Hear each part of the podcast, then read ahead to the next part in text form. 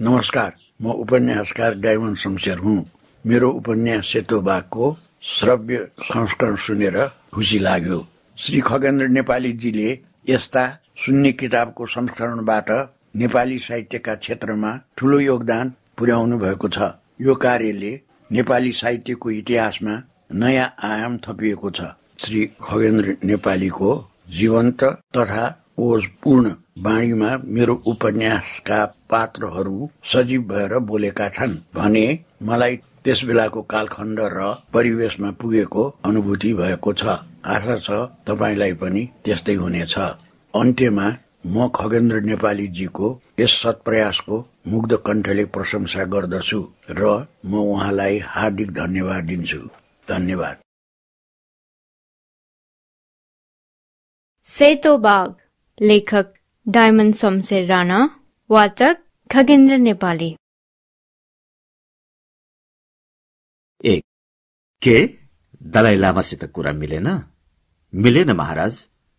भोटेहरूले जोडिनै खोजेका छन्। श्री पाँच महाराजा धिराज सुरेन्द्र विक्रम शाहदेव र जंगबहादुरका ज्येष्ठ पुत्र जगतजङको सवाल जवाब भइरहेको थियो। धर्मावतार भोटमा भएको यो पछिल्लो हुलदंगामा हाम्रा लासाका साउहरूको एक करोड़ रूपियाँको धनमाल नोक्सान भएको छ भनेर हामीले दलाई लामासित दावी गरी पठाएका छौं। उनीहरू पाँच लाख भन्दा बढ़ी हर्जना तिर्न मंजूर गर्दैनन्। यसको सिधा मतलब हो हामीसित जोरी खोज्नु।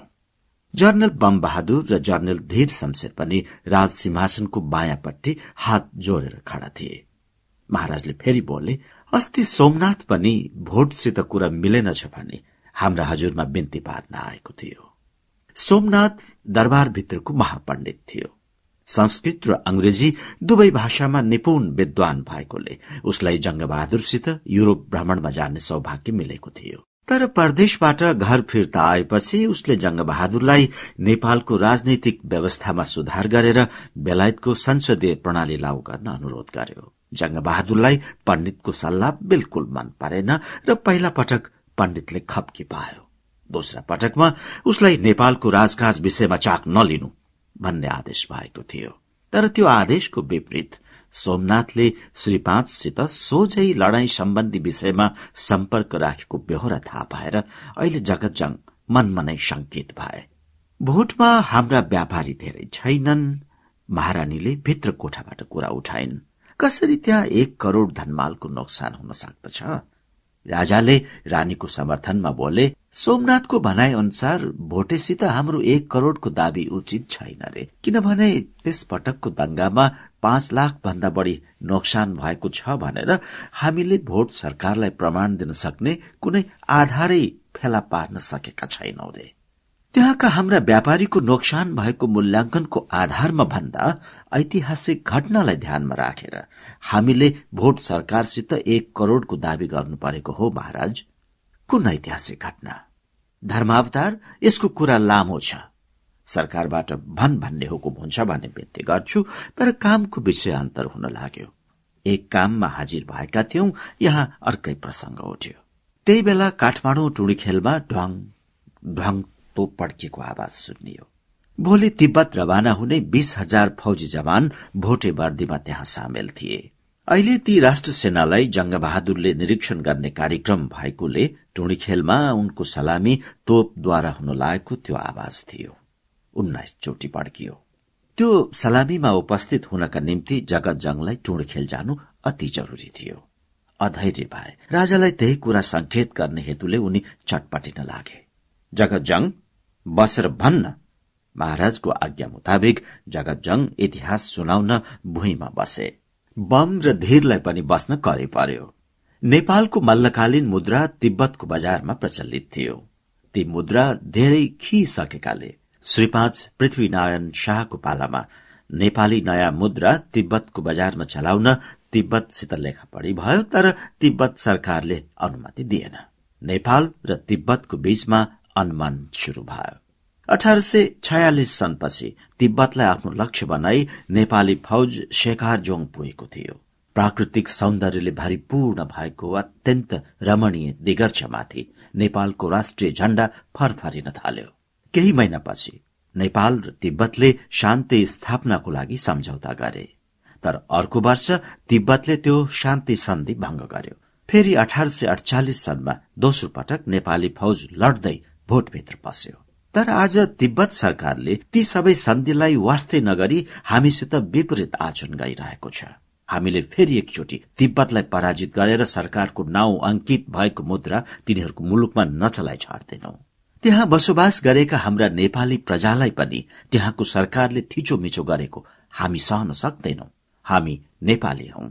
कोहीसँग दब्ने हाम्रो परम्परा छैन। सरकारको प्रताप ठूलो छ। जो हुकुम। भने।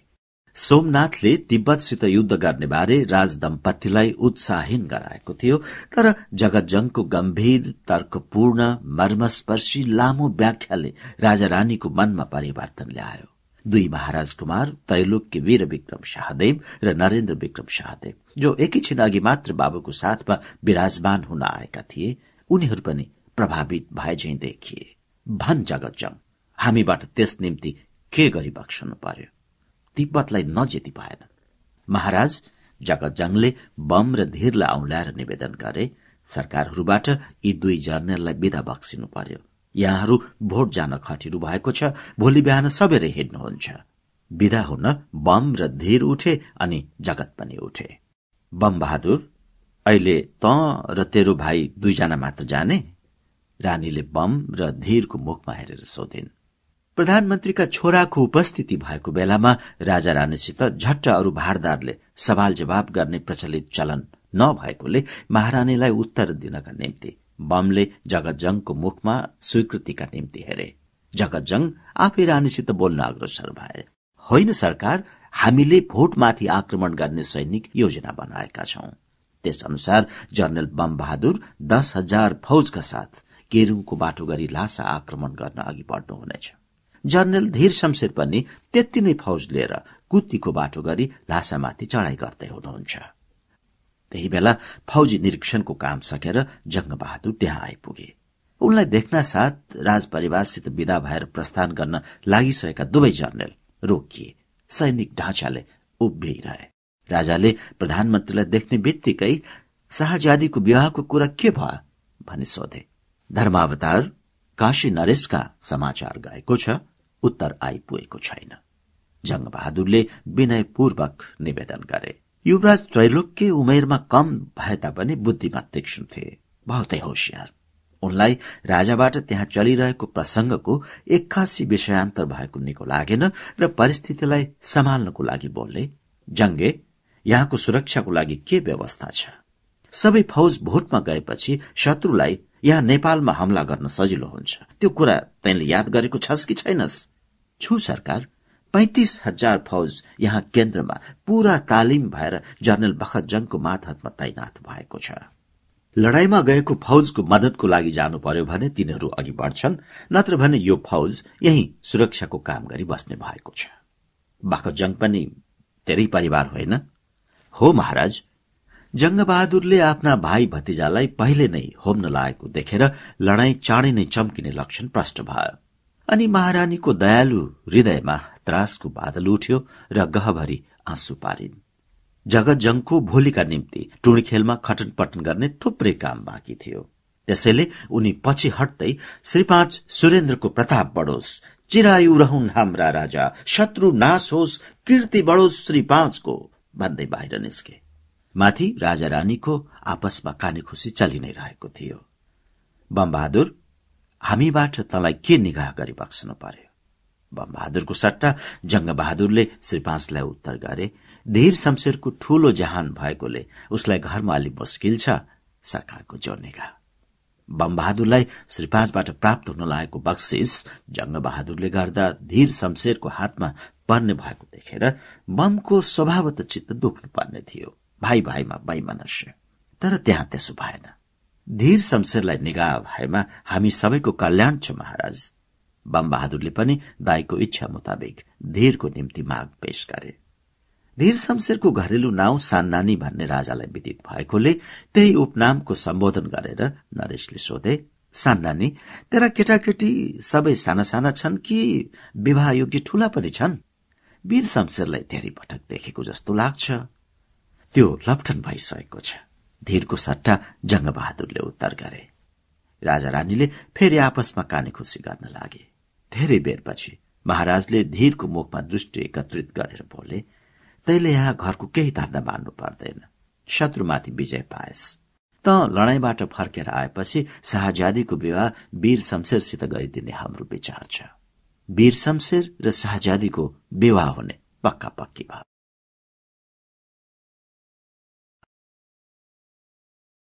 दुई। जनरल भीमसेन थापाको पालामा सुसंगठित भएको सेना अब जंगबहादुरको प्रधानमन्त्रीत्व कालमा आवश्यक देखिएन। त्यो ठूलो फौजलाई पालिराख्न पनि आर्थिक दृष्टिकोणले लाभदायक नहुने भयो। त्यसलाई विघटन गर्दा पनि पल्टनमा विद्रोह हुने सम्भावना। यही समस्या हल गर्नको लागि जंगबहादुरले तिब्बतमाथि चढ़ाई गरेर फौज मास्न खोजेका हुन् नत्र तिब्बतसित न्यू खोज्नु कुनै खास जरूरी थिएन भन्ने हल्ला काठमाडौँमा फैलियो। लडाईँको विरोध हुँदा जङ्गबहादुरको पनि विरोध हुन थाल्यो। ब्रह्मपुत्र पार गरेर जङ्गबहादुर बेलायत गएका हुनाले उनको जात गयो। अब उनलाई प्रधानमन्त्री मान्न हुन्न भन्ने गाईगुई हल्ला कट्टर धर्मावलम्बीहरूले गर्न थाले। बेलायतकी विक्टोरिया महारानीले नेपालसित घनिष्ठ मित्रता व्यक्त गर्ने अभिप्रायले जङ्गबहादुरसित स्नेहपूर्वक हात मिलाएकी थिइन् सँगै बसेकी थिइन् र ठट्टा मस्करी गरेकी थिइन्। जङ्गबहादुरले पनि महारानीलाई भक्तिपूर्वक अभिवादन गर्नको लागि महारानीको हातमा चुम्बन गरेर शाही सम्मान प्रकट गर्नु परेको थियो। यी दृश्य देख्ने जङ्गबहादुरका साथमा बेलायत गएका नेपालीले जङ्गबहादुर र विक्टोरिया महारानीको बीचमा अवैध व्यवहार भएको शंका प्रकट गरेका थिए। त्यो निराधार शंकाको विषयलाई एक कान दुई कान गरेर मानिसले ठूलो निन्दात्मक प्रचारको रूपमा परिणत गरिदिए फेरि महारानी भिक्टोरियाले जङ्गबहादुरलाई knight grand cross of the Bath नामक उच्च पदक प्रदान गरेकी थिइन्।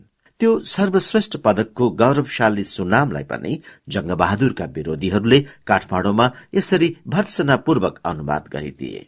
नाइट माने राति बाथ माने स्नान कक्षमा। ग्रान्ड माने ठूलो आनन्दसित। क्रस माने मैथुन गरेको। यसरी बेलायतकी महारानी विक्टोरियाले उनको र जङ्गबहादुरको बीचमा भएको विलासपूर्ण आनन्दमय घटनाको यादगारीका निम्ति स्मारक वस्तुको रूपमा यो पदक जङ्गबहादुरलाई प्रदान गरेको हो भनी सर्वसाधारण दुनियाँलाई भन्नै नहुने किसिमले जङ्गबहादुरप्रति घृणा उत्पन्न हुने तरिकाबाट अश्लील प्रचार भएको थियो। यसले गर्दा राजप्रासादमा पनि प्रतिकूल प्रतिक्रिया पर्ला भन्ने डर भयो। फेरि महापण्डित सोमनाथको राजा रानीका सोझै सम्पर्क बढेको पनि अब जङ्गबहादुरलाई मन परेन। खतरा ठान्न थाले। यस्तो अवांछनीय तत्वलाई दरबारको सम्पर्कबाट हटाउने र काठमाडौँमा झुटा प्रचारलाई रोक्ने भित्री अभिप्रायले आफ्नो जेठा छोरा जगत जङलाई राजदरबारको मुख्य हजुरिया काममा नियुक्त गरे। जगत जङ लडाईँको समाचार लिएर पहिलो पटक आज राजदरबारमा आए। उनलाई देख्ने बित्तिकै लडाईँको के खबर छ? महाराजले सोधे। एकैसाथ महारानीले पनि धीर शमशेरलाई सन्चै छ भने सरकार उहाँ अर्थात धीरलाई बेसे छारे उहाँको साथमा गएको हाम्रो फौजको र भोटेहरूको कुतीमा ठूलो युद्ध पारेछ। सरकारको प्रतापले हाम्रै पक्षमा विचार। कुतीमाथि खबर सुन्दैमा महाराज खुसीले प्रफुल्लित भए। एकछिन पख भनेर उनले जेठी शाहजादीलाई पनि त्यो शुभ समाचार सुनाउने इच्छाले छोरी लडाईँको खबर सुन्न आऊ भनी त्यहाँ डाके। शाहज्यादी नजिकैको शयनागारबाट सुमधुर स्वरले हजुरबुवा भन्दै आइन्। उनी पर्दाभित्र रहेकी एउटी अर्ध प्रस्फुटित कलिका। कहिल्यै अन्य पुरूषको मुख हेर्दिनथिन् अहिले पनि जगतजङलाई देख्ने बित्तिकै झस्किन् र लुक्न खोजिन्। छोरीको संकोचलाई बाबुले बुझे। यो जङ्गीको छोरा हो। आऊ छोरी लडाईँको खबर सुन। धीर शमशेरलाई पनि सन्चै छरे जगत मर्यादापूर्वक उठिसकेका थिए। शाहजादीलाई कोठाभित्र देख्ने बित्तिकै अभिवादन गरे।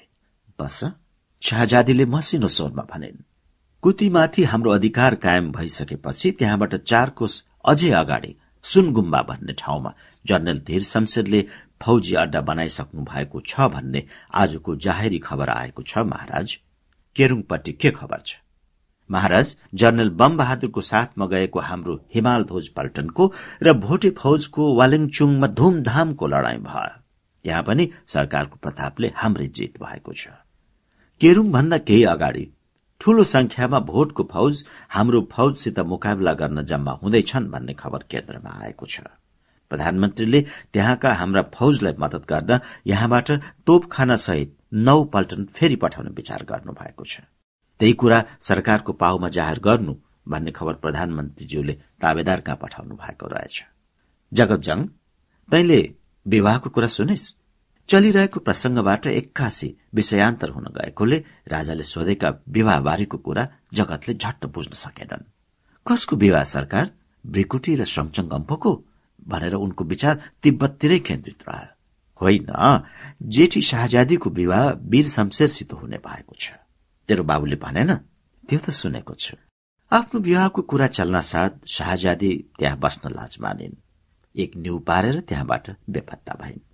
महाराज महारानीसित कोही पनि ठाडो शिर गरी कुरा गर्न सक्दैनथ्यो अरूको कुरा परे जाओस् खास जंगबहादुर जो प्रधानमन्त्री हुनुको अतिरिक्त नेपालको सर्वोच्च सेनापति पनि थिए उनी पनि राजा रानीसित कुरा गर्दा खुलेर बोलेका देखिँदैनथे तर जगतजङ काजी बाल नरसिंहका जेठा नाति थापा खलकका भानिज प्रधानमन्त्रीका जेठा छोरा भएका हुनाले उनलाई सारा नेपालले पुलपुल्याएको थियो। उनी राम्रा र फुर्तिला थिए। उनको धाक र रवाब चोलीमा पुगेको थियो। उनको उमेर कम भए तापनि कुरा गर्नमा कसैसित अनकनाउँदैनथे अहिले पनि राजा रानीसित सरल तरिकाले पटापट सवाल जवाब गर्न थाले। त्यो असाधारण बेहोरा राज दम्पतिलाई नौलो लाग्यो। मन पराए कुरा गरिरहँ जस्तो चाख लिए वीर शमशेर जेठो कि त जेठो? कर्मको वीर जेठो? उमेरको म जेठो भनेर जगतले महाराज महारानीलाई हँसाउने चेष्टा गरे। के भनेको? भनी राजा रानीले परस्परमा मुख हेराहेर गरेर जगतको भनाइमा हँसिलो दिलचस्पी देखाए। सरकारलाई पछि जाहेर हुनेछ। यति मात्र भनेर जगतले अरू अगाडि कुरा खोल्न हिचकिचाएर मनको कुरा मुखभित्र चपाइरहे। ए वीर शमशेर भाइ भए तापनि उसको विवाह पहिले हुने भयो भन्ने यसको गुनासो होला राजाले हाँसेर रानीलाई भने। रानी पनि हाँसिन्। भित्र कोठाबाट कान थापेर शाहजादीको विवाहबारे चलिरहेको कुरा सुनिरहेका सहेली सुसारीहरूको पनि झण्डै हाँसो फुस्केको थियो। सरकार विवाहको कुरा होइन। जगतले पनि हँसिलो मुख लगाएर अदब साथ बोले। के त? वीर भन्दा म जेठो? हाम्रो सन्तानका छोरा खलकमा सबभन्दा म जेठो छु। तर वीर पहिले जर्नेल हुने भयो त्यसैले कर्मको ऊ जेठो रहेछ भन्ने बिन्ती चढाएको। ऊ कसरी त भन्दा पहिले जर्नेल हुने भयो? शाहजादी विवाह गर्ने वरलाई जर्नेल दर्जाले सुसम्पन्न गर्ने जङ्गबहादुरको निर्णय थियो। यही शुभ समाचार राजा रानीलाई खुसी पार्ने जगत जङको दाउ थियो। त्यसैले कुरा लम्ब्याएर गइरहेका थिए। अन्त्यमा साँझो कुरा भनिदिए। राजा रानी खुसी भए। अरू कुरा पनि सुन्नमा तिनको चाख बढ्यो शमशेर खलकलाई घर खर्चको अलि मुस्किल छ अरे हो? जगतले राजासित असत्य बोल्न पाप सम्झन्थे तर अहिले साँचो कुरा गरेर कान्छा काका अर्थात धीर शमशेरको घरमा भएको आर्थिक कठिनाईको भण्डाफोर गर्न पनि उनलाई अप्ठ्यारो पर्यो। दरबारमा वैवाहिक सम्बन्ध जुटेपछि शमशेर खलकको भाग्य सप्रन्छ बुद्धि बढ्छ मान र सम्पत्तिको वृद्धि हुन्छ बेस हुने भयो यति मात्र भनेर राजाको सवालको सिधा उत्तर नदिएर टारे। जगत जस्तो स्पष्ट वक्ता युवकले पनि कुरा घुमाएर गर्न खोजेको देखेर महारानीलाई शमशेरहरूको आर्थिक हालतबारे कुरा बुझ्न झन अरू उत्सुकता बढ्यो। भन्न सुनौ शमशेरहरूको वास्तविक हालत कस्तो छ? सान्नानी बा अर्थात धीरका सत्रजना छोरा सातवटी छोरी छन्। ठूलो परिवार छ। उहाँलाई घरमा अलि मुस्किल हुनु स्वाभाविकै भयो। यति भन्नलाई जगतलाई करै पर्यो। यो कुरा राजा रानीले नै सुनिसकेकाले उनीहरूलाई कुनै नयाँ प्रतिक्रिया भएन। तर भित्र कोठाबाट कान थापेर सुनिरहेका सहेली सुसारीहरूको मुख निन्याउरो भयो। तिनीहरूले मन सानो पारे।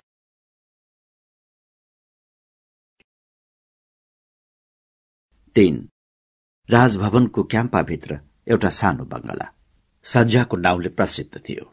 यही प्रसिद्ध सन्झ्यामा जगजङलाई निवास स्थान दिइएकोले उनी त्यही बस्दथे उनलाई जंगी अड्डामा फौजको खटन पटन गर्दा पुरानो खुकुरी खोडा र तरबार आदि हतियारमा धारिलो साँधको निरीक्षण गर्दा अनि नयाँ हतियार र तोप बनाउने योजना गर्दा सधैँ पसिना चुहाउनु पर्दथ्यो। कामको कुरूक्षेत्रले उनी रात दिन बेफुर्सद थिए। झन राजदरबारभित्र हजुरिया काममा नियुक्त भएपछि उनलाई काममाथि कामको चटारो थपिएको थियो। उनी सर्वोच्च न्यायालय जंगी बन्दोबस्त अर्थ विभाग विदेश तथा गृह विभाग अड्डाका प्रधान भएकाले उनी जहाँ पुग्दथे चाहे चोटामा होस् या कोठामा वा स्नान खोपीमा किन्न होस् त्यही यी सम्पूर्ण अड्डा पुग्दथे र कारिन्दाहरूले आफ्नो फाँटको निकास लिने काम सुचारू रूपले शुरू गरिहाल्दथे जसले गर्दा जगत जङलाई आरामसित बस्न एकछिन फुर्सद मिल्दैनथ्यो एक दिन जगत जङले राजा रानीलाई युद्धको खबर सुनाउन लागेका थिए। शाहजादी पठ्यार मानेर त्यहाँबाट बाहिर निस्किन् र आफ्नो लङतिर गइन्। द्वारे के गर्न लागे कि? भन्दै उनी आफ्नो कोठाभित्र पसिन्। उनका साथमा आएका सुसारीहरू कोही कोठाभित्र पसे कोही बाहिर उभिरहे। बडा महारानीबाट सरकारलाई पनि बत्ती काट्न सिकाउनु भन्ने हुकुम भएकोले हामी हाजिर भएका छौं। सरकार सिकी बक्सिन्छ भन्दै द्वारे उठी। पार्वती नाम गरिएकी अडिनी र पुष्पलता कोठा मोचे पनि राजपुत्रीको मर्यादाका निम्ति पहिले नै उठिसकेका थिए। बाबुआमाको आज्ञा शाहजादी कहिले काट्दिनथिन् अहिले पनि बत्ती काट्न सिक्ने इच्छा गरेर तुरन्त कौचमा आसन ग्रहण गरिन्। राजपुत्रीले पनि त्यो इलम सजिलैसित टिपिन्। बत्ती काट्ने काम धमाधम शुरू भयो। सबै चुपचाप काट्दै थिए। जमुनीले काम रोकेर कुरा उठाई। शाहजादी सरकार प्रभु मुहा कहाँ एकछिन पनि राज नभएर किन यति चाँडै यता सवारी भएको? लडाईँको खबर सुनाउन जगत जङ आएको रहेछ। त्यसैले मलाई त्यहाँ धेरै बेर बस्न मन लागेन। जगत जङको नाउँ सुन्ने बित्तिकै त्यहाँ भएका धाई सुसारे सबैका कान टाठा भए अनि उनको प्रशंसा गर्न ती सबै महिला तम्सिए त्यसमध्ये सर्वप्रथम पार्वती अडिनीले कुरा झिकी। महाराजबाट धन हजुरीको विवाह जगत जङसित गरिदी बक्सी पनि हुने थियो। हाम्रो शाहजादी सरकारको त अरूसित हुने भइहाल्यो। धन हजुरी थिइन् श्री पाँच सुरेन्द्रका माइला भाइ उपेन्द्र विक्रम शाहकी पुत्री। उनी र शाहजादी एकै परिवारका कन्या भएकाले ती दुई शैशवकालमा एउटै कोखरामा झुलेका एउटै काखमा खेलेका र एउटै बगैँचामा उफ्रेकाले ती दिदी बहिनी नङ र मासु जस्तै भएर मिलेका थिए। राजनैतिक कारणवश ती दुईको अहिले निवास स्थान बेग्ला बेग्लै हुन गयो। शाहजादी हनुमान ढोका बस्दथिन् धन हजुरी बागदरबारमा। त्यसो भए तापनि धन हजुरी आठ पाँच दिनमा हनुमान ढोका आउने भएकी हुनाले उनको स्नेह राजदरबारमा सधैँ हरियै दुबो जस्तो अजर र अमर थियो। उपेन्द्र विक्रम सन्चो नभएकोले जलवायु परिवर्तनका निम्ति हालसाल पूर्व दुई नम्बर पहाड़मा बसाइ सरेका थिए। बाबुको साथमा धन हजुरी पनि त्यही पुगेकी थिइन्। पिचरी धन हजुरी त्यस्तो पहाड़मा अचल एक्लै कसरी दिन बिताए त होला? जमुनीले फेरि मुख बाई। उहाँ र जगतजङ कर्णेलको विवाह गर्ने कुरा चलाउनु पर्यो। अब राजकन्याहरूको विवाह गरिदिनका निम्ति ठकुरी नै चाहिन्छ भन्ने प्रथा हट्ने भइहाल्यो। हाम्री शाहजादीको विवाह शमशेर खलकमा हुने भएपछि धन हजुरीको विवाह जङ खलकसित गर्न किन नहुनु? बडा महारानीको हजुरमा बिन्ती पार्नु पर्यो। साह्रै असल हुने थियो। चलिरहेको प्रसंगको विषयलाई समर्थन जनाउँदै पुष्पलताले प्रश्नात्मक दृष्टिले राजपुत्रीको मुखमा हेरेर सोधी शाहजादी सरकारको यस सम्बन्धमा के रहेछ शाहजादीले केही उत्तर दिइनन्। उनी यस्ता कुरामा आफ्नो मत प्रकट गर्न उत्साहित हुँदिनथिन्। महाराज बडा महारानीलाई सम्झाउनु पर्यो फेरि पार्वतीले भने। उहाँहरू धन र जगतको खुब जोडा मिल्ने थियो। पुष्पलताले कुरा थपी स्वास्नी यानि धनलाई पनि खुब बोल्नु पर्ने लोग्नी यानि जगत पनि त्यस्तै फुर्तिलो। दुवैको राम्रो जोडा मिल्ने थियो। यसरी जगत जङको त्यहाँ धेरै बेर प्रशंसा भयो तर शाहजादीसित बिहा हुने वीर शमशेरको कसैले कुरो उठाएनन्। जगतको दाँजोमा वीर न धनी थिए न शक्तिशाली। सूर्यको प्रकाशमा जुनकिरी जस्तै जगतको सामुन्ने वीर बिलाउँथे। त्यसै कारण जगतको सौन्दर्य महानता उदारता लोकप्रियताको व्याख्या हुँदा वीरलाई तुलनाका निम्ति सम्झिनु पनि बिल्कुल असम्भव थियो। त्यसमाथि पनि यी धाई सुसारे पैसाका दास थिए। यिनको मुखबाट गरीब वीर शमशेरको नाम किन निस्कन्थ्यो? खाली जगत जङको मात्र एकहोरो प्रशंसायुक्त प्रसंग उठिरह्यो। तर शाहजादीको भित्री मनमा वीरको विषयमा पनि केही कुरा उठ्छ कि भन्ने आशा अंकुरित हुन लाग्यो। धेरै बेर प्रतीक्षा गरिरहँदा पनि वीरको सम्बन्धमा केही कुरा निक्लिएन कुरा चलोस् भन्ने हेतुले शाहजादी बोलिन्। द्वारे तिमीहरूले जगत जङलाई मात्र गुणले युक्त भएको देख्छौ अरूलाई देख्दैनौ। अरू भन्नुको अर्थ शाहजादीले वीर शमशेरलाई लक्ष्य गरेकी थिइन्। यस कुराको मर्म नबुझेर हो अथवा धनी स्थानमा गरीबको नाउँ उच्चारण गर्न हुन्न भन्ने ठानेर हो। वीरको विषयमा चर्चा गर्ने त्यहाँ कोही पनि भएन। अडिनीले सोझै बोली जगतजङ कर्णेलले मेरो ठूलो उद्धार गर्नु भएको छ। उहाँको सधैँ कल्याण होस्। उहाँका सन्तानले डाँडा खाँडा ढाकुन्। चारैतिर कीर्ति फैलियोस्। यो कर्णेलको गुण मेरो साथ जन्मले पनि बिर्सने छैन। पुष्पलताले तुरन्त कुरा थपे। जगतले जमुनीको नातिलाई सुबेदार बनाइदिएका थिए। पार्वतीको बाउलाई सरकारी दण्ड लागेको थियो। त्यसमा पनि जगतले माफी गराइदिएका थिए। उनीबाट पुष्पलताको मामाले वीरता बक्सिस पाएको थियो। यी सबै व्यवहार ती बुढीहरूले श्रद्धापूर्वक भाट्याए जगतको मुक्त कण्ठले जय मनाए। यी निगाह तिमीहरूलाई हाम्रो बुवा अर्थात श्रीपाद सुरेन्द्रबाट भएको हो। किन व्यर्थै जगत जङको गुणगान गर्छौ? बीचमा राजतनयाको कुरा काटेर सरकार दिने भन्दा दिलाउने ठूलो। ती तीनवटी बुढीबाट राजतनयाले तुरन्त उत्तर पाइन्। सरकार अस्ति मेरो बाहुलाई पनि राजपुत्रीको गोडा मिचिरहेकी सुगन्धराज खेटीले पाँच सय घर जान बाटो खर्च दिनुभएछ जगत जङ्कर्नेलले भनी र गोडा मिचिरहे। जगतको सबैले एकै स्वरले बढाइ गरेका र वीरबारे केही उल्लेख नभएकोमा शाहजादेलाई अनौठो लाग्यो। चुप लागेर बत्ती कातिरहन् मुख फोरेर वीर शमशेरबारे केही सोध्ने साहस गरिनन्। बुढीहरूको कुराले अर्कै मोड लियो। उनलाई त्यहाँ बस्न मन लागेन र बत्ती काट्न त्यसै छोडेर आराम लिन उनको आँखामा जगतजङ र वीर शमशेर दाँजिन थाले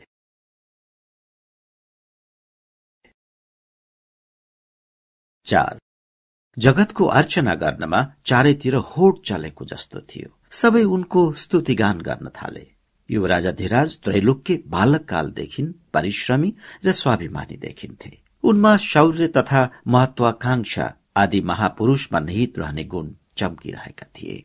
स्वभावत उनी राजदरबारबाट प्रधानमन्त्रीको हातमा गएको शासन शक्ति पुनः फिर्ता गर्न सकिन्छ कि भनी सोच्न लागे। यो गहन काम सफल पार्नका निम्ति जगतजङ जस्तो लोकप्रिय व्यक्तिलाई हतियार बनाउने ताकमा चतुर युवराज भएकाले। उनको मनमा पनि जगतजङप्रति ठूलो सहानुभूति र मनमा प्रशंसा देखियो। जसले गर्दा महाराज कुमार नरेन्द्रको पनि जगतजङसित घनिष्ठ मित्रता बढ्न गयो। यसरी जगतजङको प्रशंसा ठूला साना सबैले गर्न लागे। उनको प्रिय नाम सबको मुखमा चाचाको विषय भयो। धेरै दिन बिते महिना वर्ष बिते। शाहजादीको यौवन चरम सीमामा उक्लिन लागिसकेकोले अब उनी एउटा अनाडी बालिका मात्र नभएर विवाह योग्य वयसमा मस्त भइसकेकी थिइन्। त्यसैले उनी जस्तै पवित्र हृदय भएकी युवतीको मनमा पनि यौवनको आँधीले उत्पन्न हुने नारी प्रकृतिको कमजोरी खाली थिएन। धेरै कालदेखि जगतजङको प्रशंसा सुन्दा सुन्दा र उनसितको सामी पेसावासले गर्दा राजतनयाको मन पनि शनै शनै जगतजङतिर आकर्षित हुँदै गयो। तर त्यो कुराको जगतलाई केही जानकारी थिएन न कल्पना नै थियो। धेरैजसो शाहजादी र जगतजङको राजखोपीमा देखादेख हुन्थ्यो कहिले मोलचोकमा। आज पनि उनको र जगतको चोटामा भेट भयो उनलाई आफूप्रति राजतनयाको दृष्टि गढेको उत्तेजनात्मक कुराको याद गरिरहने फुर्सदै थिएन यसै उसले शाहजादीलाई नियमित कार्यक्रम अनुसार शाही मर्यादाको पालन गरेर आज पनि आदरपूर्वक दर्शन गरे। शाहजादीले आज जगतलाई राम्ररी चिन्ने प्रयत्नमा प्रेरित भएको जस्तो गरेर अनायास मुसुक्क हाँसिन्। निसन्देह त्यस मुस्कानमा दिल दिने प्रतिज्ञा थियो जसलाई अवज्ञाको दृष्टिले हेर्ने साहस जगतमा थिएन। त्यस मुस्कानद्वारा उत्पन्न भएको कौतूहललाई हृदयमा दबाएर भैमा हेरेको हेरै सोझे आफ्नो बाटो लागे। राजदुहिताबाट आज जगतमाथि भएको रहस्यात्मक अवलोकन असाधारण थियो। यो आकस्मिक दृष्टिपात देखेर मनमा बगावत गर्ने विचारको धेरै तर्क गर्दै जगत आफ्नो निवास स्थान सन्झ्यामा गए। शाहजादी पनि जगतलाई हेर्नका निम्ति आफ्नो शयन कक्षको झ्यालमा पुगिन् जहाँ उभिएर शशिकला बाहुनी रामायण पुस्तक हातमा लिएर पढिरहेकी थिइन्। हेर शशिकला शाहजादीले सुस्तरी बोलिन् तिमीलाई थाहा छ ऊ त्यो सन्ज्यामा को बस्दछ? कुन्नी को बस्छ त्यहाँ सरकार? मलाई थाहा छैन सरकारबाट हुकुम होस् न सुन्न पाऊ। त्यहाँ जगत जङ बस्दछन् भन्ने कुरा सरकारलाई जाहेरै थियो फेरि किन सोध्ने भएको? शाहजादी मुस्क हाँसिन् महापण्डित सोमनाथ उपाध्याय ज्योतिषाचार्य की छोरी शशिकला तीक्ष्ण बुद्धिकी थी। उसको आँखा सामुन्ने शाहजादीको सबै चरित्र, अब प्रत्यक्ष लेखेको जस्तो गरी प्रष्ट भयो। शमशेर खलकमा यो कुरा पुग्यो भने साह्रै नराम्रो पर्दछ। हातको रामायण पुस्तक टेबुलभित्र थन्क्याएर शशिकला कुरा गर्न तम्सँदै बोली, सरकार, जे गरी बक्सने हो, त्यो बहुतै गुपचुपका साथ हुनुपर्दछ। यो कुरा गुपचुप रहनै सक्दैन। त्यसो गर्न आवश्यक पनि छैन। श्रद्धा र भक्ति गर्नु कुनै पाप होइन। दया र माया गर्नु मानवता हो। म उसलाई अर्थात जगतलाई माया गर्दछु। स्वर कपाउँदै बोली के सरकारले जगतजङसित बिहा गर्ने इच्छा गरिबक्सेको हो? बाहुनचरीको तर्सेको स्वर र डराएको मुखाकृति देखेर शाहजादीलाई उसमाथि दया आयो। उसलाई सान्त्वना दिनका निम्ति राजकन्याले गुहे खोल्नु पर्यो। धन हजुरीले वीर शमशेरसित विवाह गर्ने त्यसपछि शाहजादीको विवाह जगतजङसित हुने सजिलो योजना शाहजादी र धन हजुरीको बीचमा बनिसकेको थियो। धन हजुरीका पिता उपेन्द्र विक्रम अर्थात श्रीपाँच सुरेन्द्रका भाइ पनि छोरी र भतिजीको यो गोप्य योजना पूरा गरिदिनका निम्ति सहमत भएका थिए। यो सबै कुराको रहस्य शाहजादीले आजसम्म कसैलाई खोलेकी थिएनन्। अहिले शशिकलालाई बेली विस्तार लगाइन्। अनि ब्राह्मण पुत्रीको चित्त स्थिर भयो। र ऊ मुसुक हाँसे।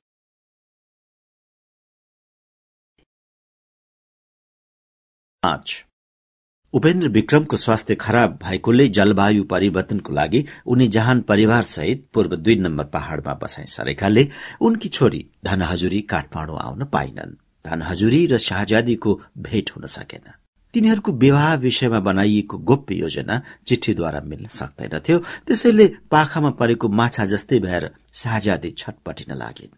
यसरी छटपटिँदा छटपटिँदै धेरै महिना बिते तर राज तनयाको मनमा जगतजङप्रति गुम्सिरहेको प्रीति प्रकट हुन पाएन। विचलित भइन्। उनको रुचि हरायो। कहिले निराहार पनि बस्दथिन्। उनका निम्ति श्री सम्पत्ति र सुखशैल सबै तुच्छ भए। अदृश्य वेदनाको साथसाथै उनको मुखमा प्रेम निराशा र त्यागका भावनाका प्रतीक छायाहरू झलमलाइरहन्थे अब उनको काम सन्झ्यालाई निरन्तर लोभ्यको दृष्टिले हेरिरहनु मात्र थियो। आजकल उनी दूरबीनले सन्झ्यालाई हेर्न थालेकी थिइन्। त्यो दूरवीक्षण यन्त्र खेलाएर दिनभर झ्यालमा बसिरहन्थिन्। अहिले पनि उनले दूरबीनको ऐनालाई राम्ररी पुछेर सन्झ्यालाई हेर्न थालिन्। पर डाँडा काँडा पनि देखियो। मूल सड़क र टुणखेल आँखा नेर आइपुग्यो। पर सड़कमा उनले जगतलाई घोडामाथि देखिन् टोप टाई कोट ब्रिटिस सेतो पन्जा र खैरो लामो बुट जुत्ता लगाएका जगतजङ छरितो जवान जगतजङ शाहजादी रमाएर दूरबीनभित्र झन नजर गाडेर हेर्न थालिन्। सयौं भारदार प्रतिष्ठित र नामी भनाउँदाहरू जगतको चाकरी गर्न तछाड मछाड गरेर उनको पछि पछि घोडा कुदाइरहेका थिए। मानव जगत जग्ने नेपाल थिए नेपाल जगत थियो। जगतको सेतो घोडा पश्चिम सड़कतिर मोडियो। दूरबीनमा उनी अदृश्य भए अनि दूरबीन थन्क्याएर शाहजादीले आफैसित प्रश्न गरिन् त्यो कस्तो लोकप्रिय मानिस? कस्तो प्रतिभाशाली पुरूष? अहिले कहाँ जान लागेको होला? यसको उत्तर उनको मनमा निश्चित भइसकेको थिएन। फेरि उनले जगत र आफ्नो चोटा र बाटोमा झ्वास भेट भएको अनि जगतले रातो कान लगाएर भुइँमा हेरेको डराएको र झस्केको दृश्य सम्झिन्। दरबारमा ज्यादा सम्पर्क भएका भलादमीलाई त्यहाँका यौवन मत्ता महिलाले आफ्नो मिल्तीको मण्डलीभित्र हाँसो लाग्ने उपनाम दिएका थिए। जङ्गबहादुरलाई हाउगुजी महापण्डित सोमनाथले बेलायती बाजे त्यस्तै जगत जगको नाउँ रहेको थियो सेतो बारुला। जगत जङको त्यो हास्यजनक मिथ्या नाम सम्झेर शाहजादीलाई सधैँ हाँसो उठ्थ्यो। तर अहिले उनलाई हाँस्ने पनि जागर हरायो। सन्झ्यालाई आँखा गाडेर हेर्न थालिन् त्यो मानिस त्यहाँ अर्थात सन्झ्यामा एक्लै कसरी बसेको होला? बिचरा कति न्यास्रो लाग्दो हो। उनको मनमा उठेको त्यो प्रश्न कसैले सुनेको जस्तो गरेर उनी आफै लज्जित भइन्। शरमले झ्यालमा उभिन नसकेर त्यहाँबाट हटिन् र बिछौनामा बस्न पुगिन्। शोभायमान सैयामा पनि शाहजादीलाई आराम मिलेन।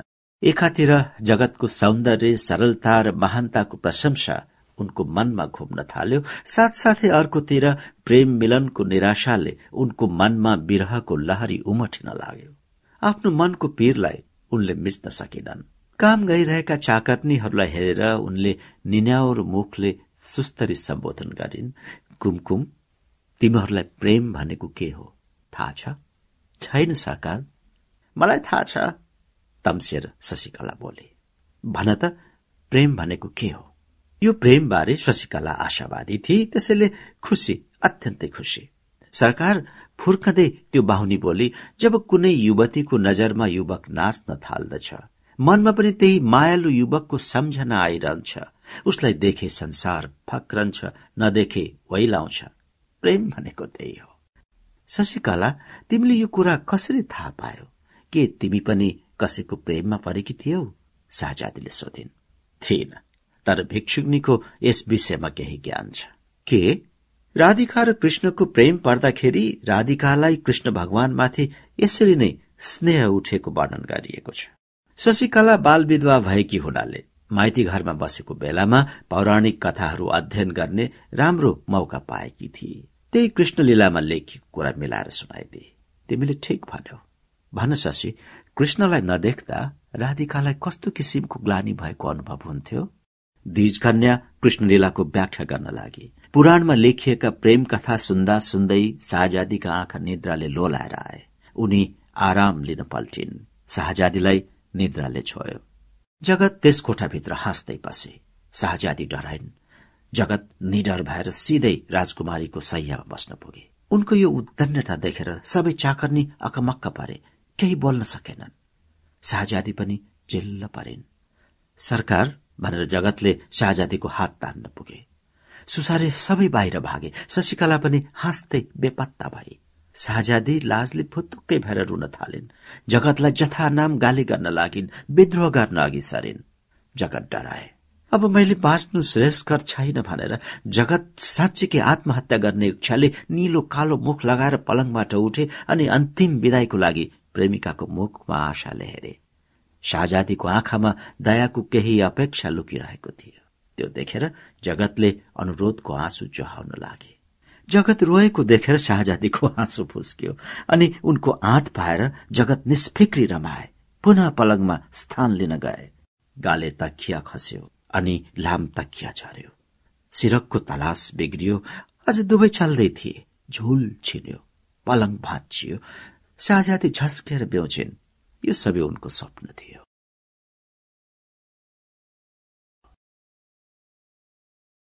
छ। सन्ज्याको भान्सामा जगतजङ बिहानको भोजन गरिरहेका थिए। त्यसबेला दरबारभित्रबाट उनका सधैँ तरकारी र अन्य खानेकुरो ल्याइन्थ्यो। अहिले पनि एक हुल बाहुनी त्यही नियमित कार्यक्रमको लागि सन्झ्यामा आए। त्यो हुलमा सम्मिलित भएर शशिकला पनि भान्सेको भेषमा त्यहाँ उपस्थित हुन पुगी र जगतजङको सामुन्ने चौकामा सुनको रिकापी र कचौरा राखिदिए अरू बाहुनीहरू पर पुगेपछि शशिकलाले बिस्तारै बोली ती दुई सुनका भाँडाका परिकार शाहजादीको बाहुलीबाट बनेका हुन्। जगतजङले ती परिकारको स्वाद लिँदै बोले मिठो रहेछ। उहाँको पूरा हो। होइन शाहजादीबाट पठाइ बक्सेको चोखै छ। उहाँ आफैले पकाइ बक्सेको जगतले शाहजादीबाट आफैले तकलिफ गरी बक्सनु नपर्ने भन्दै खाँदै गरे। यसमा तकलिफ गरी बक्सदा उहाँलाई आनन्द आउँछ रे। शशिकलाले भनी तर लाजले रातो भई पसिना काडी। अरू मनको कुरा भन्न सकिने र बीचमा वाक्य बन्द गरे। तकलिफ गरी बक्सदा आनन्द आउने किन? जगतले सोधे। किनकि यो तपाईँको निम्ति भनेको हो। के भनेको? राम्ररी कुरा बुझिन। यहाँ तपाईँका निम्ति खानेकुरा पठाइबक्सनको लागि गरिबक्सेको कष्टमा स्याहजादी सुख अनुभव गरिबक्सन्छ कुराहरू स्पष्ट पार्दै शशिकलाले पसिना पोछे यसको मतलब कुन्नी माया प्रीतिको कुरा हो क्यारे शशिकलाले भुइँमा र जगतले खाने कुरामा नजर दिएर सवाल जवाब गरिरहेका थिए। तर अहिले एक्कासी जगतको दृष्टि शशिकलाको मुखमा पुग्यो अनि झस्केको स्वरले सोधे माया प्रीति बाहुनीले पनि साहसलाई सँगालेर जगतको तेजिला आँखा र झस्केको रातो मुखमा सोझै हेरेर हिम्मतसित रहस्यमय कुरा खोली। शाहजादी तपाईँको प्रेममा परिबक्सेको छ। शशिकलाको यो अन्तिम वाक्य जगतजङको कानमा चट्याङ परेको जस्तो गरेर बज्रन पुग्यो अनि थर र काँपे। तर राजपुत्रीको बाहुलीबाट बनेका ती परिकारलाई उनले सोझै बहिष्कार गरेर अफाल्न पनि सकेनन्। फेरि त्यसलाई खाना आँट पनि उनलाई आएन। किनकि शशिकलाको उपस्थितिमा शाही कोसेली अब खानुको मतलब हुन्थ्यो शाहजादीको प्रेम प्रदर्शन स्वीकार गर्नु नखानुको अर्थ हुन्थ्यो राजकन्याको अपमान गर्नु। एक ठूलो दृष्टता। त्यसैले जगत असमञ्जस अवस्थामा पुगेर सोच्न थाले। उनीमाथि मोहनी लगाउनको लागि काशीका पण्डाहरूले एक सय आठ काली बिरालीको साललाई बीच समुद्रको पानीमा पकाएर टुना मुना सहित काठमाडौँ ल्याएका छन्।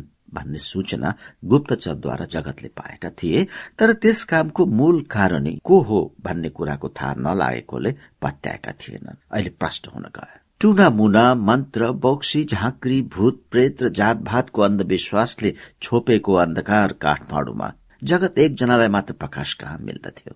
उनलाई गुप्तचरद्वारा प्राप्त भएको सूचनामा पत्या पर्ने बित्तिकै त्यस मोहनी मन्त्रले उनको मस्तिष्कमा प्रभावशाली काम गर्न थाल्यो।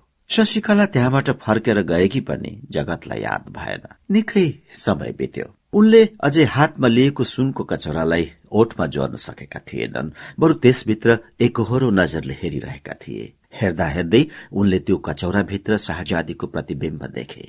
त्यो रंगीन रसभित्र राजकुमारीको उज्यालो गोरो मुहार देखियो। त्यो छाया रूपी मुख मुसुक्क हाँस्यो। त्यो जगतको मनोविज्ञान बिग्रेर उत्पन्न भएको माया जाल थियो। बोल्न थाल्यो कचौराभित्र छाया रूपी शाहजादीको मुख पहिले धमिलो थियो स्वर पनि अस्पष्ट। अब छाया र आवाज दुवै प्रष्ट भए। जगत जङ म एउटी अबला स्वास्नी मानिस हुँ। पञ्चतत्वले बनेको मेरो शरीरलाई जस्तो भोग प्यास र निद्राको आवश्यकता छ। त्यस्तै प्रेमको पनि। तेरो प्रेम तेरो प्यार तेरो प्रीतिको प्रेम पवित्र छ।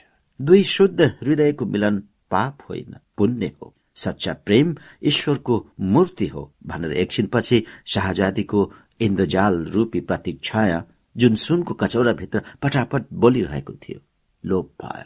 त्यो रहस्यमय चिन्ताको बोझ उनलाई असह्य भयो। जिउ हल्का पार्नको निम्ति उनले मनको कुरा कोही मानिससित खोल्न चाहे खोलेर सल्लाह लिने विचार गरे। भोलिपल्ट बिहान सबेरै उनले महापण्डित सोमनाथलाई बोलाउन पठाए। जगतजङ दरबारभित्र हजुरिया काममा नियुक्त भएदेखि सोमनाथलाई प्रमुख कार्यबाट वञ्चित गराएर जगतले पंगु बनाइराखेका थिए। अहिले अकस्मात जगतजङले बोलाउन पठाएको देखेर महापण्डितलाई आश्चर्य भयो। ऊ त्यही दरबारभित्र थियो। माथि जगतजङको निवास स्थान तुरन्त आइपुग्यो। आयुष्मान भव भनेर पण्डित उभिरहे। पण्डित साह्रै ठूलो उल्झनमा परेको छु। के गरौं? किन? ख्वामित के भयो? धेरै प्रयत्न गर्दा बल्ल यति सवाल सोमनाथको मुखबाट निस्कियो। शाहजादी आफ्नो प्रेममा परेको कुरा जगतले सोमनाथलाई बताए। सोमनाथलाई जगतको भनाइमा अविश्वास भएन। झन उसले जगतलाई त्यस सम्बन्धमा बढ़ी खबर ज्ञात गरायो जो उसले आफ्नी पुत्री शशिकलाबाट सुनेको थियो। शाहजादीले आफू अर्थात जगतसित विवाह गर्न खोजेकी र त्यो उनको इच्छा पूर्ति नभएको खण्डमा उनले आत्महत्या गर्ने संकल्प गरेको कुरा पण्डितबाट सुनेर जगत झन काँप्न थाले उनको मुख सुकेर झन सानो भयो रिसले आँखामा आँसु रसायो ओठ पहिले नै कलेटी बसेको थियो असहाय जस्तो भएर उनले पण्डितको मुखमा सहायताका निम्ति टोलाएर हेरे अनि सानो स्वरले भने त्यो पापबाट म मुक्त हुन चाहन्छु मलाई शशिकलाले यस उद्धार कार्यमा मद्दत गर्लिन्। ख्वामित किन आत्तिनुहुन्छ निगा राख्नु दया माया गर्नु प्रेम र क्षमा गर्नु सम्पन्न परिवारमा चलिआएको प्रथा हो। यो प्राकृतिक नियम वैदिक कालदेखि संसार व्याप्त छ। सच्चा प्रेम ईश्वरको अवतार मानिएको छ। प्रेमलाई पाप भन्न सकिँदैन। धैर्यसित परिस्थितिको सामना गर्नुहोस्। यसमा लाभ सिवाय हानि हुने प्रश्न नै उठ्दैन। तर शाहजादेको अरूसित बिहा हुने निदो भइसकेको छ। कन्या सातपरा उर्वशीमाथि पुररुवा पागल भएका थिए। अर्जुनमाथि उर्वशी बहुलाइन खै कसले तिनको बदनाम गरे? कन्या सातपरा। कन्या केटीको सयौं दोला हुन सक्दछन् भन्ने पण्डितको उत्साहवर्धक भनाइले पनि जगतको निन्याउरो चेहरामा कुनै हँसिलो परिवर्तन आएन। उनी इमान जाला भन्ने डरले हडबडाएका थिए। बदनामीदेखि कोसौं पर हुन चाहे। त्यसको उपाय मनमा खोज्न लागे। पण्डित अब मेरो निम्ति यहाँ बस्नु उचित छैन। अन्तै काममा सर्नु बेस होला। तपाईँमाथि मोहनी लागेको छ। अब कतै जान सक्नुहुन्न? सके पनि जानु बेस हुँदैन। मोहनी जगतले झस्केर सोधे। कसरी म माथि मोहनी लाग्यो? शशिकलाले सुनको रिकापी र कचौरामा ल्याएको तरकारी भित्र शाहजादीको मोहनी परेको थियो भन्ने बेहोरा पण्डितले जगतलाई सुनायो। त्यही कुराको पहिले नै शंका परेको हुनाले जगतको मनमा पीरको पहाड़ उठिसकेको थियो। अहिले त्यो शंका यथार्थतामा परिणत हुन गएकोले उनको मुख हंस उडेको जस्तो निलो भएर आयो अनि उनी वाल्ल परेर चुरोट तान्दै सोच्न थाले। धेरै बेरपछि उनले निदाको पसिना पुस्दै सोधे पण्डित मोहनी मन्त्रको उल्टा गर्ने कुनै उपाय छैन? छन त छ अथर्ववेदमा त्यसको उल्लेख गरिएको छ। तर उल्टा गर्नाले त्यो मोहनीको मूल कर्तालाई ठूलो अनिष्ट पार्न जान्छ। यसको परिणाम ज्यादै भयंकर हुन्छ। फेरि तपाईँ आफै पनि बाहुला हुन सम्भव छ। प्रेम विवाहको पक्षमा धार्मिक र व्यावहारिक व्याख्या गरेर सोमनाथले जगतलाई सान्त्वना प्रदान गर्न धेरै कोसिस गर्यो तर पण्डितका ती सबै प्रयत्न विफल भए। पण्डितको तर्कमा र जगतको विश्वासमा ठूलो अन्तर थियो। भोलिपल्ट जगतले खजान्ची सुब्बालाई बोलाउन पठाए। ऊ पनि जगतको विश्वासी मानिस भएकोले उनले खजान्चीलाई पनि सोमनाथलाई जस्तै आफ्नो मनको कुरा खोलेर सल्लाह मागे।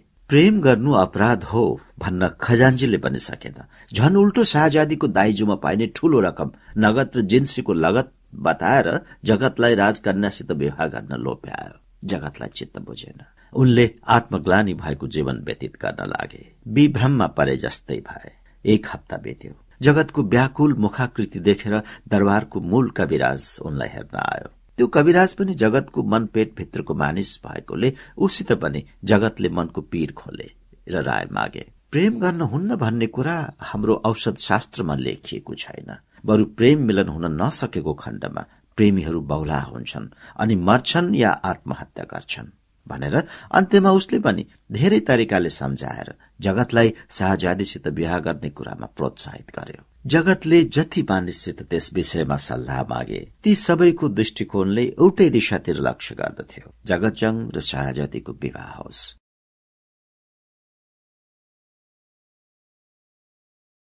सात। शाहजादीको मन र चिन्तनको केन्द्र नै सन्झ्या थियो। प्रेमीको आसक्तिले उनी सुक्दै गइन् बिरामी भइन् ओछ्यान परिन्। यी सबै कुरा जगतलाई थाहा थियो। उनी त्यसैले आफू प्रतिकूल हुने दुई विकल्पमा परे।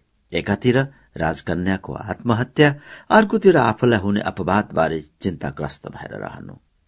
एक रात यही कुरा मनमा खेलाउँदा खेलाउँदै उनलाई निन्द्रा पर्यो। उनी धेरैजसो सपनामा शाहजादीलाई देख्दथे। अहिले पनि सपनामा शाहजादी आफूनिर उभिन आइपुगेकी देखे। उनले राजपुत्रीलाई उनको त्यहाँ आकस्मिक आगमनको कारण सोधे। म मर्न आएकी आत्महत्या गर्न चाहन्छु। हामी सबै मरेर पनि सरकारलाई बचाउने हाम्रो कर्तव्य हो। त्यसो भए बाँचेर प्रेम संसारमा हामी दुई अमर हौ। तर यो पुण्य भूमिमा म पाप गर्न सक्दिन भनेर जगतले शाहजादीको सामुन्ने घुँडा टेके। शाहजादी निराश र शुष्क भइन्। एकाएक उनले खुकुरी उठाएर आफ्नो गला सेरिन् अनि घाँटीबाट रगत पोख्दै जमिनमा लडिन् र छटपटिन थालिन्। प्रेम पाप होइन जगत प्यारो जगत मेरो जगत मलाई बचाउ जगत म मरे जगत भन्दै शाहजादी अर्धमृत अवस्थामा हराउन थालिन्। जगत निसासिँदै पिउँछे राजपुत्रीले आत्महत्या गरेको भयानक सपना एक प्रेमिकाको आफूप्रति अद्भुत दया र माया देखेर जगतको हृदयमा ठूलो हलचल मचियो अनि उनले झस्किएको मुख लगाएर दरबारतिर हेरे जहाँ झ्यालमा बसेर शाहजादीले अझै सन्झ्यालाई हेरिरहेकी थिइन्। शाहजादीले बत्ती काटेर समय व्यतीत गर्न खोजेकी थिइन् तर सकिनन्। सुत्न खोज्दा निद्रा पनि आएन। अन्त्यमा हार मानेर चुपचाप झ्यालबाट सन्झ्यालाई उनले हेर्न लागिन्। हेर्दा हेर्दै रातको दुई बजिसकेको थियो। त्यो दृश्यले जगतलाई खिन्न पार्यो। उनी शिथिल भए। कोठामा बस्न नसकेर उनी तल बगैँचामा दिल बहलाउन ओर्लिए सुनसान अर्धरात्रिमा लता कुञ्ज र पुष्प गृहको बीच सड़कमा ओहोर दोहोर गरिरहेका थिए। त्यही बेला अचानक उनको सामुन्ने पर्खालमाथि एउटी स्वास्नी मानिस उभिएको छाया जस्तो देखियो। त्यसलाई नजर गाडेर उनी हेर्दै थिए त्यो छायारूपी आकारले पर्खालबाट तल हाम फाल्यो। त्यो मनुष्यकारले खास्टोको घुम्टो हालेको हुनाले त्यो हाम फाल्ने व्यक्ति स्त्री हो भन्ने स्पष्ट भयो। तर उनको मनमा त्यो छद्म भेषी स्त्री शाहजादी होलिन् भन्ने शंका उठिहाल्यो। उनको विचलित मन अहिले झन खङरङ्ग भयो थर कापे। लुक्दै र छिप्दै सुल्ल बएको जस्तो गरेर भागिरहेको त्यो स्त्री संयोगवश जगतजङको सामुन्ने चिप्लेर पछारिन पुगे।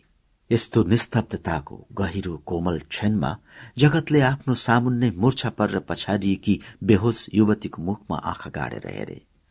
त्यो इसक परि नाम गरेकी केटी थिए उसलाई दरबारको शोक शैलमा टक बसेन। ऊ सधैँ घर सम्झिरहन्थे। त्यसै हुनाले ऊ भाग्ने दाउ गरेर भित्र पर्खालबाट तल झरेकी थिए अहिले जगतले उनलाई चिने। अनि उनले मूर्छा परेकी इसक परीको तालुमा पानी र मुखभित्र देशी मद ल्याएर चुहाइदिए। यी दुई थोकको सेवनले इसक परीको चेता आयो। आँखा खुल्ने बित्तिकै ऊ बिस्तारै बोली मलाई शाहजादीले पठाइ बक्सेको हो। त्यो केटीले आफ्नो निर्दोषिता प्रकट गर्नको लागि झुटो बोलेर जगतजङको कठोर दण्डबाट तत्काल बस्ने उपाय गरेकी थिए। नभन्दै जगतले त्यो केटीको असत्य कथनमा शत प्रतिशत विश्वास गरे किनकि उनलाई चिन्ने बित्तिकै जगतको मनमा त्यही कुराको आशंका उठिसकेको थियो। अनि अब जगतको सामुन्ने संसार घुम्न थाल्यो। आफू पनि मूर्छा परिएला भन्ने डरले एक घुटको मद पिएर जगतले होसलाई मुस्किलसित नियन्त्रण गरे र जगत सोच्न लागे यो केटीलाई हतियार बनाएर शाहजादीको प्रेमबाट फुत्किनु पर्यो। उहाँको नजरमा घृणाको पात्र भएपछि हृदयमा सम्मानको स्थान रहन सक्दैन। म इसक परीलाई प्रेम गर्छु विवाह गर्छु अनि शाहजादीको मोहनी मन्त्रको ममाथि कुनै प्रभाव रहने छैन। जगतलाई इसक परीको यौवन र सौन्दर्यसित केही वास्ता थिएन। उनलाई शाहजादीको प्रेमबाट फुत्किनका निम्ति आफ्नो मनको मतलब साध्य गर्नु थियो। इसक परी त पनि रक्सी पी भनेर उनले प्रेम प्रकट गर्ने बाहनाले मत प्रदान गरे। इसक परीको मनबाट डर हरायो तर रक्सी पिउन हिचकिचाए र खान्न नाइ भन्ने स्वाङ गर्नका निम्ति मुन्टो हल्लाए। जगत सच्चा अर्थमा कुमार भएकोले आइमालाई छुन संकोच मान्दथे तर आज उनको भित्री मतलब अर्कै भएकोले उनी इसक परीलाई समातेर रक्सी पिलाउन अग्रसर भए। इसक परी हटी सरमले विरोध गरी छुनमुनाउँदै भागी पर पुगी पुष्प बाटिका बाहिर निस्केर हाँस्न थाले। नाच इसकभरि भन्दै जगत त्यही इसकभरिको सामुन्ने उभिन पुगे। ऊ दरबारको तालिमे सुसारे भएकी हुनाले राजालाई नाच देखाएर खुसी पार्न सक्दथे। शास्त्रीय नृत्यमा निपुण त्यस्तै नर्तकी प्रजाको सामुन्ने नाच्न हिचकिचाइन वस्त्रलाई कम्मरमा कसेर तुरन्त नृत्य गर्न तयार पारे। नाच इसकभरि यसरी नाच कि मेरो सत्यतालाई यहाँबाट भगाइदे। अनि म पनि त्यो मिठो त्यो स्वादिलो हाँसो हाँस्न सकौं जसरी अरू सम्मानित भारदारहरू हाँस्दछन्। रक्सीको स्वाद र पुरूषसितको संसर्गका निम्ति ऊ दरबारबाट भाग्न लागेकी थिए। ती दुवै कुरा यहाँ उपलब्ध हुने भएकोले ऊ खुसी भए अनि जगततिर गएर पिउन र प्रेम गर्न तम्से। नाच इसकपरी इसकपरी पुनः नाच्न थाले। तर जगतको मनस्थितिमा कुनै परिवर्तन आएको थिएन। दुःख लाज घृणा रिस र आत्मग्लानीको मिश्रित भावले उनको रूप बोक्सिलाएको मानिसको जस्तो थियो। हिसकभरि मलाई जुठो हालिदे पापी अधम बना। नेपाल मेरो निम्ति सानो भो मलाई खुम्चाइदे जगत रिसले आङको लुगा च्यात्न थाले। पहिले रेशमी कुर्ता च्याते अनि भित्री भोटो जनै छिन्यो जन्तर मिल्कियो तैपनि लुगा च्यात्दै थिए। इसक मेरो नैतिकता फालिदे, इमान खोसिदे, पुर्खाको धर्म फुकालेर मलाई नाङ्गो बना। म पापी हुन्छु, मलाई बर्बाद हुन दे, बिग्रन सिका। नर्क जाने बाटो देखा, मलाई जुठो हालिदे। जगत बेहोस भएर पछाडिए। इसक परि पनि लडे। त्यसै गरेर गिलासमाथि रक्सीको बोतल घोप्टियो जगत बिटुलिए।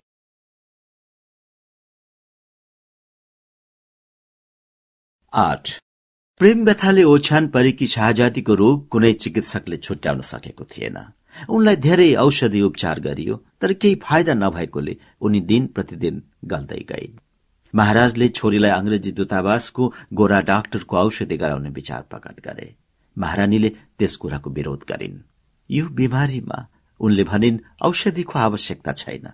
माथिका देवता लागेको हो अक्षता मन्छाउनु पर्दछ। गोराले छोएको औषधि खाएमा अगति परिन्छ भन्ने महारानीको दृढ धारणा भएकोले। उनको गोरा डाक्टरप्रति अविश्वास मात्र होइन कि घृणा पनि थियो। उनले गोभाजु नै लगाउनु पर्छ भनेर अड्डी लिइन्। शाहजादीलाई गोराको औषधि गाउन उचित होला या गोभाजुको हातमा सुम्पन? त्यस विषयमा छलफल हुँदै थियो जगतजङ टुप्लुक्क आइपुगे। जगतजङको स्वभावमा ठूलो परिवर्तन आएको थियो। पहिलेको शुद्धि बुद्धि हराएर उनी मोहनी मन्त्रको शिकार बनेका थिए। कहिले उनी राजदरबारमा बस्दथे कहिले मनहरामा। जहाँ बसे पनि भगुई केटी इसक परीको दाँत गढेको उनको बिटुलो जिब्रोमा शाहजादीको प्रेम स्वादको कल्पना रसाउन थालिसकेको थियो। हिजो जुन कुरालाई पाप सम्झन्थे आज त्यसैलाई उनी धर्म मान्न लागे। अहिले जगतजङ त्यहाँ आइपुग्दा उनको मन ज्यादै व्यग्र थियो। तापनि राजदम्पतिलाई देख्ने बित्तिकै भक्तिपूर्वक सलाम गरे। जगतजङ तेरो बाबु खै? राजाले सोधे। तुरन्त रानीले पनि त्यही वाक्य दोहोऱ्याइन्। सरकार बा नखु तोप खानामा हुनुहुन्छ। भोटका दुवै मोर्चाबाट केप ठिकसँग पड्केन भन्ने शिकायत आएकोले प्रधानमन्त्री आज बिहानदेखि केप र बारूद नओसिन्ने उपायको आविष्कारमा व्यस्त हुनुहुन्छ। अहिले मलाई शाहजादी सरकारको गाथमा आराम नभएको कस्तो भयो भने बुझ्न पठाउनु भएको हो? महाराज महारानीले आफ्नी छोरीको स्वास्थ्यको विवरण ठूल्ठूलो स्वरले जगतलाई बताए। आमा बाबुको ठूलो स्वरले बताएको बेहोराले भन्दा जगतलाई छोरीको मनोभावना उनको आँखामा झल्केको रौनकले स्पष्ट थियो। जगत जंगको उपस्थितिमा शाहजादीको हर्ष र उल्लासको मुस्कान जगतले मात्र देख्न सक्दथे। त्यो अदृश्य मुस्कानको अर्थ उनले मात्र बुझ्न सक्दथे। उनलाई मात्र त्यसको महत्व थियो। महारानीले गम्भीर स्वरमा बोलिन् छोरीलाई माथिकै देवता लागेको जस्तो छ। प्रधानमन्त्रीको रायमा जगतले हात जोडेर निवेदन गरे सरकारहरूबाट धेरै आत्ती बक्सनु पर्दैन। शाहजादीको गाथमा स्वदेशी औषधिद्वारा ठिक हुन्छ भन्ने छ। अचेल हाम्रो वैद्य खानामा पनि निकै असल मकर ध्वज र सुवर्ण मालती भस्म पुटित भएको छ। रामबाणको सफलता देखेर हामी आश्चर्यमा परेका छौं सरकार। प्रधानमन्त्रीको राय र महारानीको इच्छा मिल्दोजुल्दो देखिएकोले नरेश चुप रहे केही बेरपछि उनले छोरीको निधार गोडा र नारी क्रमशः छामे। छोरीको नाडी नै म पाउँदिन बाबुले भने। जगत जङ त हेर त। सरकार बाहुलीको दर्शन पाऊ। भइगो पर्दैन मलाई केही भएको छैन। राजा रानी दुवैले छोरीलाई नाडी देखाउन आग्रह गरे।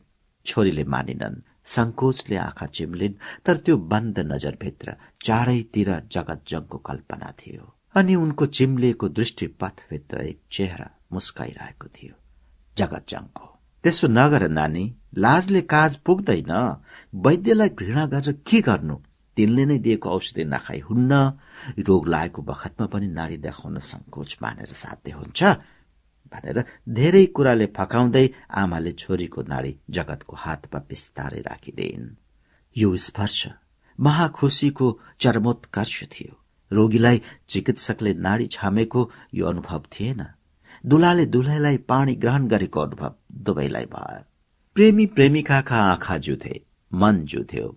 एकछिन नाडी छामेर जगतले शाहजादीको जिब्रो हेरे आँखामा रगत जगतले रगतको सट्टा राजपुत्रीको नजरमा अनगिन्ती अरमानको झलक देखे तर निराशाजनक। अनि सुस्तरी नाडी छाम्न छोडेर झन सुस्तरी बोले घातमा कुनै खास प्रकृति बिग्रेको जस्तो छैन। माथिकै देवता लागेको हो। अब रानीले किटेरै बोलिन् जगत लगायत राजभवनका सबै बुढापाका जान्ने सुन्ने कर्मचारी रानीको विचारमा सहमत भए। पछि राजाले पनि रानीको कुरा मञ्जुर गरे। अक्षता मन्छाइयो तान्त्रिक विधिहरू गरिए, धेरै देवी देवतालाई भाकल गरियो। तर पनि शाहजादीको हालतमा कुनै परिवर्तन देखिएन। निकै दिन बिते। उही पश्चाताप, उही खिन्नता, उही बेचैनी भोक न प्यासको निरस जीवन।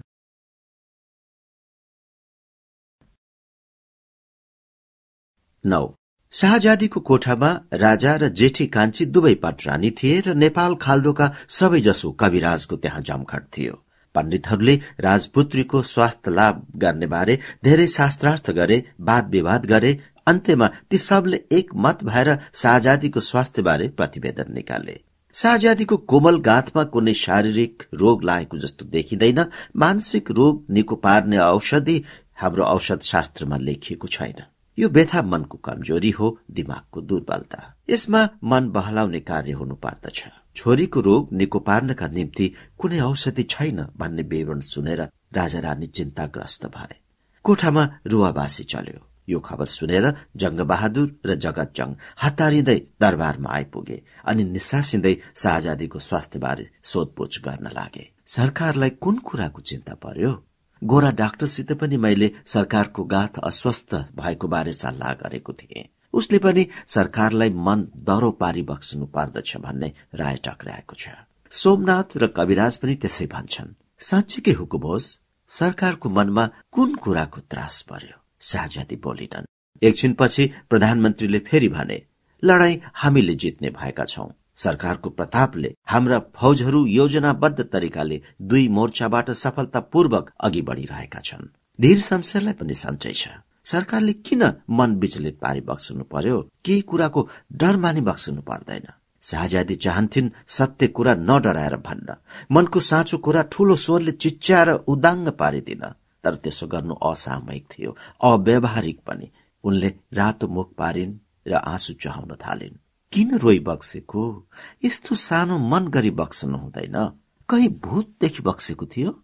शाहजादीले केही उत्तर दिइनन्। तर एउटी चाकर्नी बिस्तारै बोली यहाँ भूतले केही हानि गर्दैन। सामुन्य भेट भयो भने पछाडि दिन्छ नत्र केही बेगार गर्दैन। त्यही पनि रानीले कुरा थपिन् मैले यी सबै भूतलाई मन्छाइदिइसकेकी छु।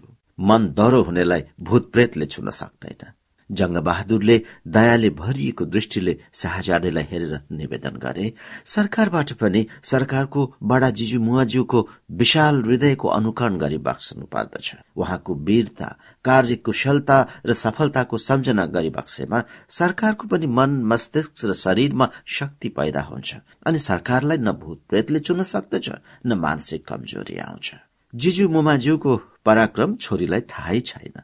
राजाले प्रधानमन्त्रीको मुखमा हेरेर भने अनि एकैछिनपछि फेरि छोरीतिर फर्केर बोले नानी तिमीले बडा जिजु मुमाज्यूले गरिबक्सेका बहादुरी कामको बयान सुनिराख्नु पर्दछ।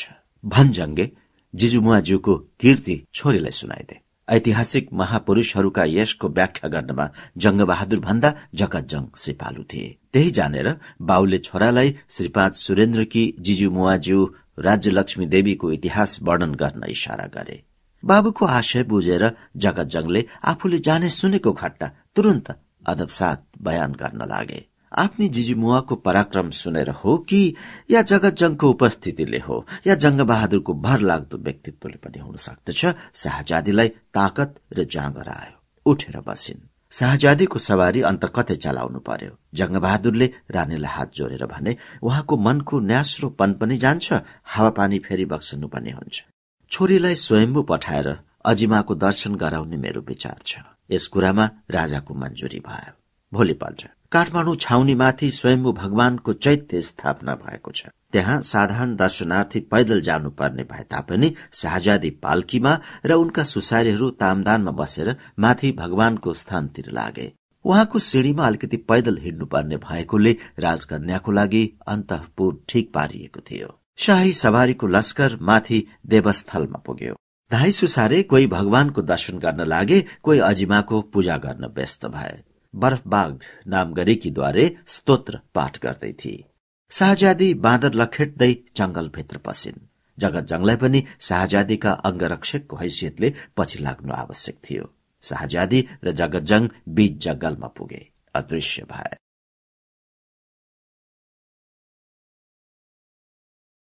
दश स्वयम्बुबाट फर्केर राजखोपीमा पुग्ने बित्तिकै शाहजादीले बाबुआमा र भाइ त्रैलोक्य र नरेन्द्रलाई प्रसाद वितरण गरिन्। छोरीको मुखमा अपरझटको स्वास्थ्यकर परिवर्तन देखेर राज दम्पति साह्रै खुशी भए।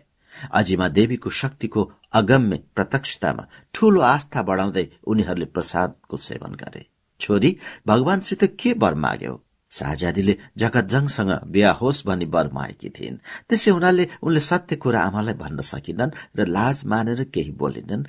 खालि रातो मुख पारिन् फुर्केर आमाको काखनिर टाँसिएर बस्न पुगिन् र मस्केर मुसुक्क हाँसिन्। महारानीले हाँसेर बोलिन् छोरीले वीर शमशेरको आरोग्यताको कामना गरी होलिन्। वीर शमशेरको नाम सुन्ने बित्तिकै शाहजादीको रातो मुख एक्कासी निलो भयो। आँखामा उदासीनता छायो। उनले कामना गरेकी थिइन् तर वीर शमशेरका निम्ति होइन जगतजङका निम्ति उनले कामना गरेकी थिइन्। यो मनको भित्री भाव आमालाई भन्न शाहजादी लालायित भइन् तर बाबु र भाइको उपस्थितिमा मन खोल्न सकिँदन्। एकछिनपछि कुरा अर्कै तरिकाले उठाइन् बुवा आज हजुरिया कर्णेलले मसित उसलाई अन्याय पर्यो भने फिरात गरेको थियो।